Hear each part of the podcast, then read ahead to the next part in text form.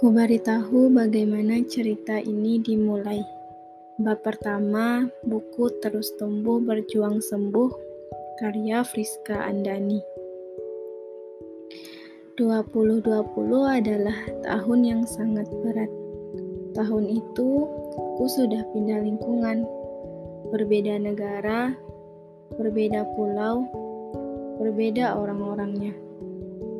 Di tahun yang sama, Allah mengirimkan Tuan Corona sebagai penguji manusia siap atau tidak menghadapi dunia yang bercandanya kadang suka keterlaluan belakangan ini. Lalu, di tahun yang sama, aku bertemu dia dan diberi kesempatan mengenalnya dengan sangat baik. Setidaknya begitu pikirku.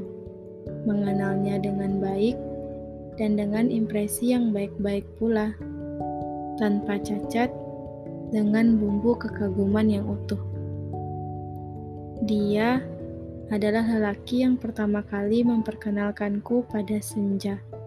Duduk di tepian danau menertawai biawak yang tergopoh-gopoh berlari ke sarangnya, diikuti alunan senar gitar dari jari jemari pemulaku.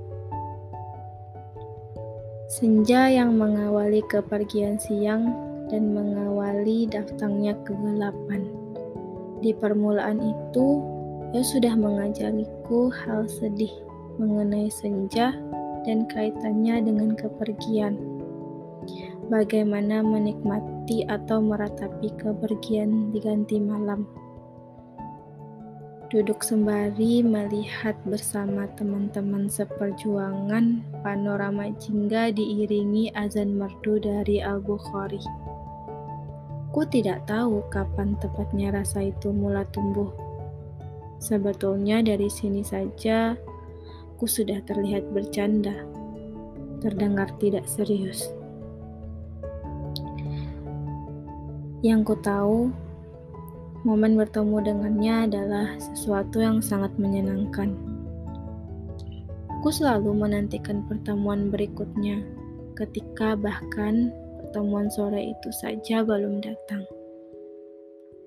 Segala keteraturan yang kubangun rapi sebelum kamu ada runtuh dalam sekejap. Padahal pertemuan kita begitu sederhana tidak sedramatis apa yang pernah dunia pamerkan. Ternyata, momen intens itu tak melulu soal romantis dua pihak. Aku saja sudah cukup memporak-porandakan pertahananku sendiri. Ya Allah, satu hambamu ini benar-benar merepotkan perasaanku. Kupikir aku kuat untuk tidak macam-macam untuk tidak macam-macam dengan hatiku. Kupikir seharusnya tidak tumbuh apa-apa di dalam sini. Nyatanya, aku membuka pintu lebar-lebar untuk merasa dicintai olehmu yang sudah lebih dulu aku cintai. Padahal aku sepenuhnya sadar bahwa itu salah dan aku harus berbenah. Maka atas nama cinta yang hendaknya aku pelihara hingga waktunya karena Allah, dan dengan perlahan aku dibuat sadar oleh Allah.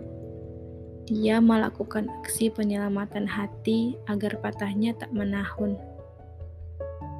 Aku berikan aku diberikan tragedi kejatuhan hati yang salah agar aku kembali ke tempatku yang dulu tempat di mana aku dan hatiku masih baru dan utuh. Masih tentang dia dan hari-hari menyenangkan itu, tentang status media sosial yang kurasa itu untukku, tentang gerak-geriknya yang kutebak itu tentangku, kenyataannya bukan. Allah memberiku sakit sementara agar aku tahu jika berlanjut maka sakitnya akan teramat. Dan sakit itu masih sepersekian kecil dari sakit yang semestinya aku alami. Allah sayang aku, itu sebabnya dia menyelamatkanku sekaligus memberi pelajaran berharga.